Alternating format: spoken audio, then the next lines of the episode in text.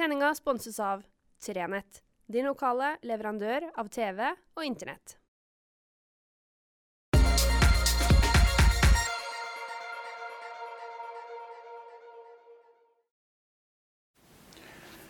Riktig god fredag. Eh, For dere som følger podkasten som jeg er med på, Pauserommet, så eh, hørte dere kanskje at jeg på onsdag var ganske så opptrekt. Og det har ikke gått over. Jeg kjenner absolutt for at jeg er nødt til å si noe om det. Jeg kjenner på at det er grunnlag for å få lov å, å blæsse til belgen, som han sa, han Olav Sand, i, i det julekalender. Nå var det litt annet, men det her føles litt som samme greia. Jeg tenker på saka om den unge kvinnelige fiskeren, 24 år gamle Susanne Mortensen. Susanne, som er fra Gjøvika ved Ulsfjorden, hun har altså da valgt å bli fisker. Ei ung jente fra ei lita bygd i, i Troms som altså har lyst til å holde på med fiskeri. Og er det noe vi skal være glad for, så er det at unge mennesker har lyst til å begynne med fiskerier. Det skal vi, det skal vi takke vår skaper for. At unge folk har lyst til å gå om bord. Enten det er i sjarker eller trålere eller hvor det måtte være. For vi trenger folk som jobber med fisk. Og da må guttene på båt slutte å bry seg om det er en gutt eller ei jente som kommer truende over rekka. Og Det Susanne har fortalt til NRK Troms og til andre medier, det er vondt å høre om. Ei ung jente som blir æresskjelt på det groveste. Som blir kalt for hore, og som blir ja, Det er så grovt, det hun bli kalt, at, at jeg har ikke lyst til å snakke om det i denne podden. Jeg har bantes og svorret før her, men i dette tilfellet har jeg rett og slett ikke lyst til å gjenta det. Og så er det sikkert noen som har trødd noen år på et bekk og vassa i slog og, og slødd og skjært, som mener at nei, det er nå sjargongen, det må de tåle. Nei. Nei, nei, nei.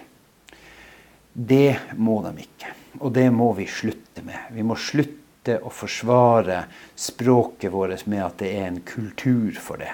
At det er noe sånn vi nordlendinger er. For det, er ikke sånn vi trenger å være overfor hverandre.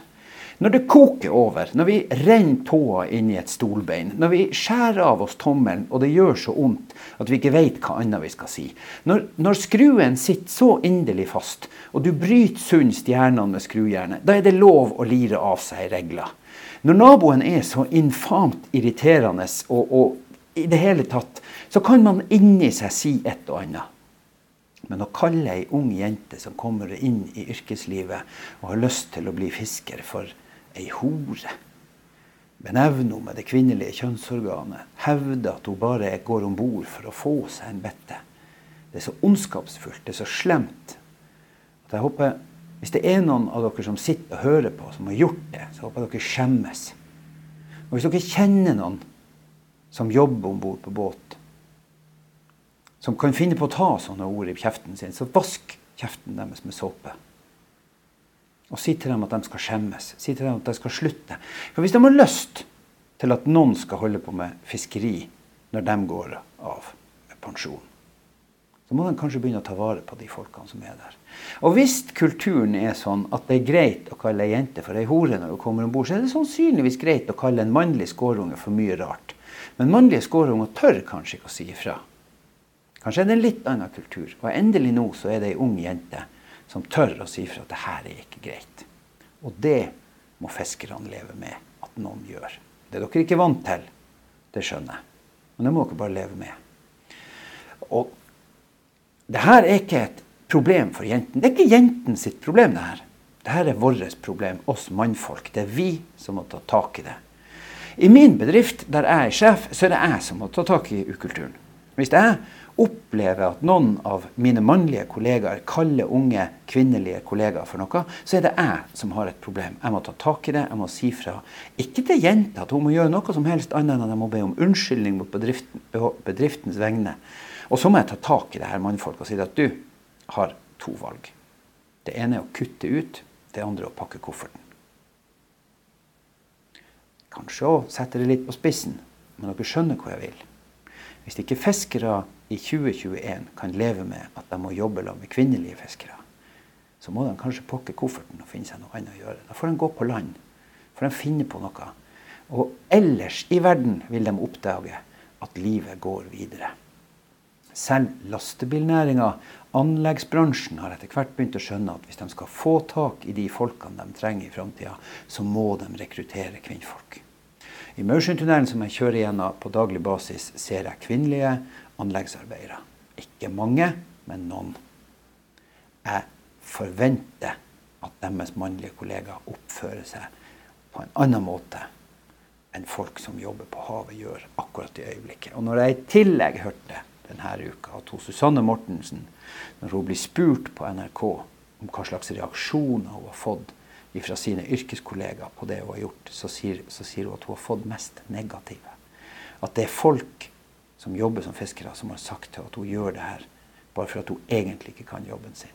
Hvis det er utgangspunktet dere for å løse saker, så har dere et så grundig problem i fiskerinæringa at dere faktisk bør revurdere veldig mye. Og som jeg var inne på, det her problemet sitter på toppen. Det her problemet sitter i rorhuset. Ja, det sitter nede i lugarene, i byssa, i messa, nede på dekk, der kommentarene faller. Men den som må ta tak i det her, det er skipperen. Og skipperen må få beskjed fra rederen sin om at det her går ikke. Og når båtene kommer på land, så må formennene gi beskjed til dem som står på kaia og tar imot fisk, at kvinnelige fiskere er akkurat akkurat like mye verdt som mannlige fiskere. Den fisken de har levert, den har den samme verdien. Det er den samme sporen som kommer over ripa. Det er den samme sporen, det er det samme som leveres. Enten det kommer fra et kvinnfolk eller det kommer fra et mannfolk. Og det er det lederne som må fortelle. For hvis ikke lederne sier ifra til sine ansatte om at det her er ikke akseptabelt, ja, så tenker mannfolkene at det er helt i orden vi durer på. Da vi snakka om det her i poden, så snakka jeg med han Robert, som er min gode kollega, markedssjefen i Framtid Nord. Han Robert var i Forsvaret da man var i gang med den store omveltninga. Da jeg var i militæret på rundt 90-91, da var det fortsatt sånn at det var bare noen ytterst få damer som var øh, og gjorde tjeneste. Og det var noen veldig få damer som gjorde tjeneste som befal. Dessverre.